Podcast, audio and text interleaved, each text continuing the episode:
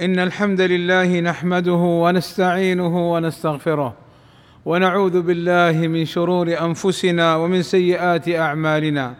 من يهده الله فلا مضل له ومن يضلل فلا هادي له. وأشهد أن لا إله إلا الله وحده لا شريك له. وأشهد أن محمدا عبده ورسوله. يا أيها الذين آمنوا اتقوا الله حق تقاته ولا تموتن إلا وأنتم مسلمون. إن أصدق الكلام كلام الله وخير الهدي هدي محمد صلى الله عليه وسلم وشر الأمور محدثاتها وكل محدثة بدعة وكل بدعة ضلالة وكل ضلالة في النار. أما بعد فإن الله عز شأنه يقول وآتاكم من كل ما سألتموه وإن تعدوا نعمة الله لا تحصوها إن الإنسان لظلوم كفار. أي أعطاكم من كل ما تعلقت به أمانيكم وحاجتكم مما تسألونه إياه بلسان الحال أو بلسان المقال من أنعام وآلات وصناعات وغير ذلك. وإن تعدوا نعمة الله لا تحصوها. فضلا عن قيامكم بشكرها. إن الإنسان لظلوم كفار.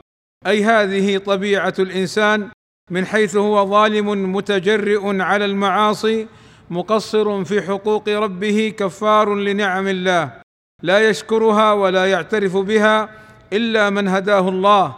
فشكر نعمه وعرف حق ربه وقام به. ففي هذه الآيات من أصناف نعم الله على العباد شيء عظيم مجمل ومفصل.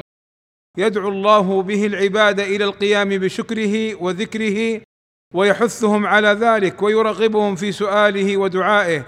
آناء الليل والنهار كما أن نعمه تتكرر عليهم في جميع الأوقات.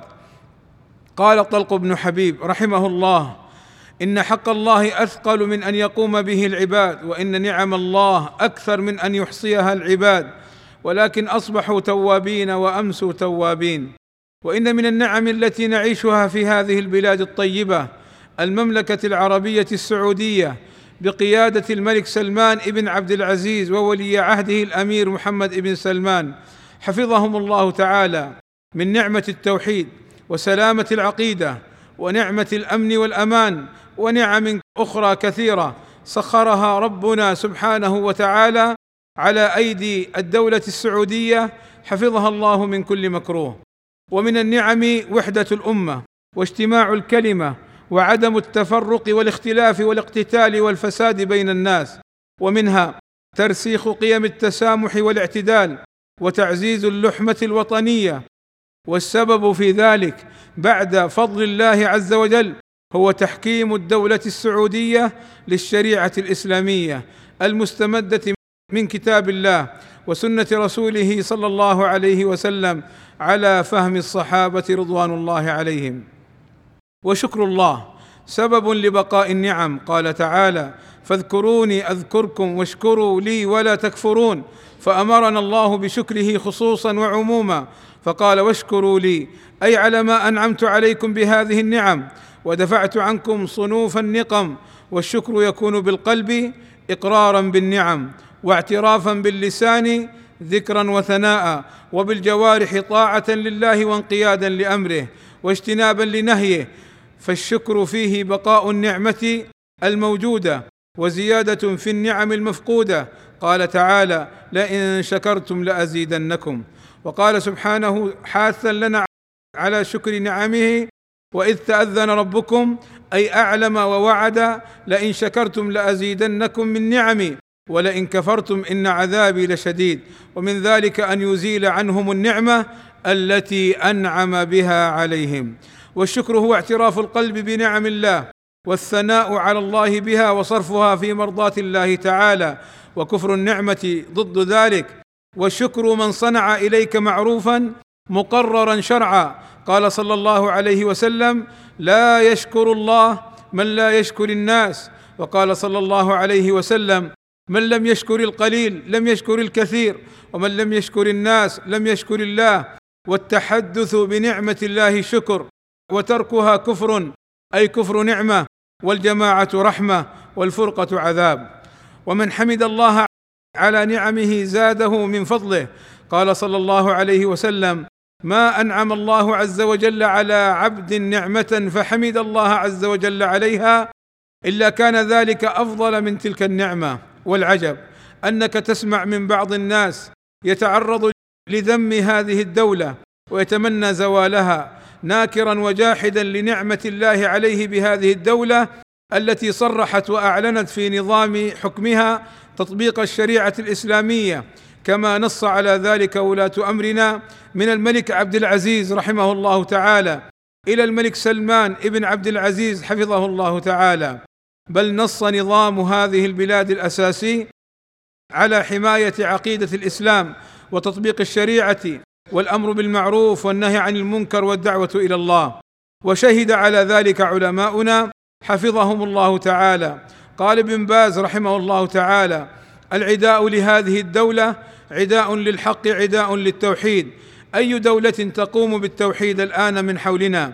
من يدعو إلى التوحيد ويحكم شريعة الله ويهدم القبور التي تعبد من دون الله؟ أين الدولة التي تقوم بهذه الشريعة غير هذه الدولة؟ ثم قال رحمه الله تعالى وهذه الدولة السعودية دولة مباركة نصر الله بها الحق ونصر بها الدين وجمع بها الكلمة وقضى بها على أسباب الفساد وأمن بها البلاد وحصل بها من النعم العظيمة ما لا يحصيه إلا الله وليست معصومة. وليست معصومة يعني من الخطأ وليست معصومة وليست كاملة كل فيه نقص. فالواجب التعاون معها على إكمال النقص وعلى إزالة النقص وعلى سد الخلل بالتناصح والتواصي بالحق والمكاتبة والزيارة الصالحة. فلنحافظ عباد الله على هذه النعم العظيمة بالسمع والطاعة ولزوم الجماعة والحذر من الخروج والفساد في الأرض وعمل ما من شأنه خلخلة الأمن ونشر الفوضى. والله أسأل لي ولكم التوفيق والسداد وأن يغفر لنا الذنوب والآثام. إنه سميع مجيب الدعاء. الحمد لله رب العالمين والصلاة والسلام على المبعوث رحمة للعالمين وعلى آله وصحبه أجمعين. عباد الله هناك من يحسدنا على النعم التي نعيشها والأمن والأمان فيحاول التشكيك والطعن وإثارة الشائعات المغرضة الكاذبة. فلا تلتفتوا لهم ولا تسمعوا لهؤلاء.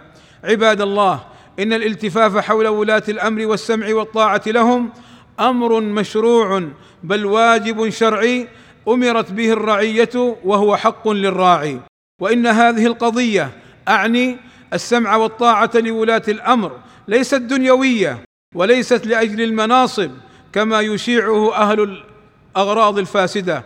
بل هذا منصوص عليه في كتاب ربنا وسنة نبينا وآثار الصحابة رضوان الله تعالى عليهم وهي من عقيدة الصحابة التي خالفها الخوارج الإرهابيون ومن شاكلهم أما قال الله تعالى يا أيها الذين آمنوا أطيعوا الله وأطيعوا الرسول وأولي الأمر منكم.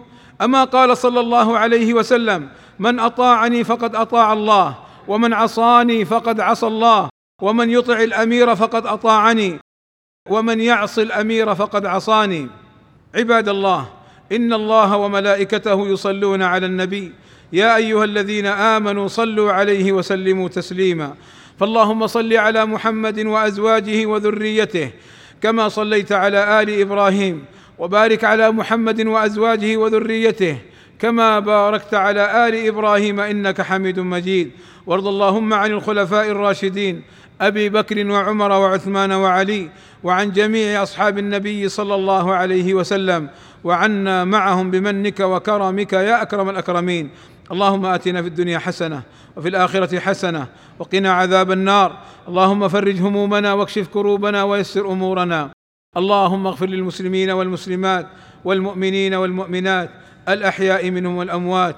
اللهم وفق ولي أمرنا الملك سلمان بن عبد العزيز وولي عهده الأمير محمد بن سلمان لما تحبه وترضاه وأصلح بهما البلاد والعباد واحفظهما من كل سوء.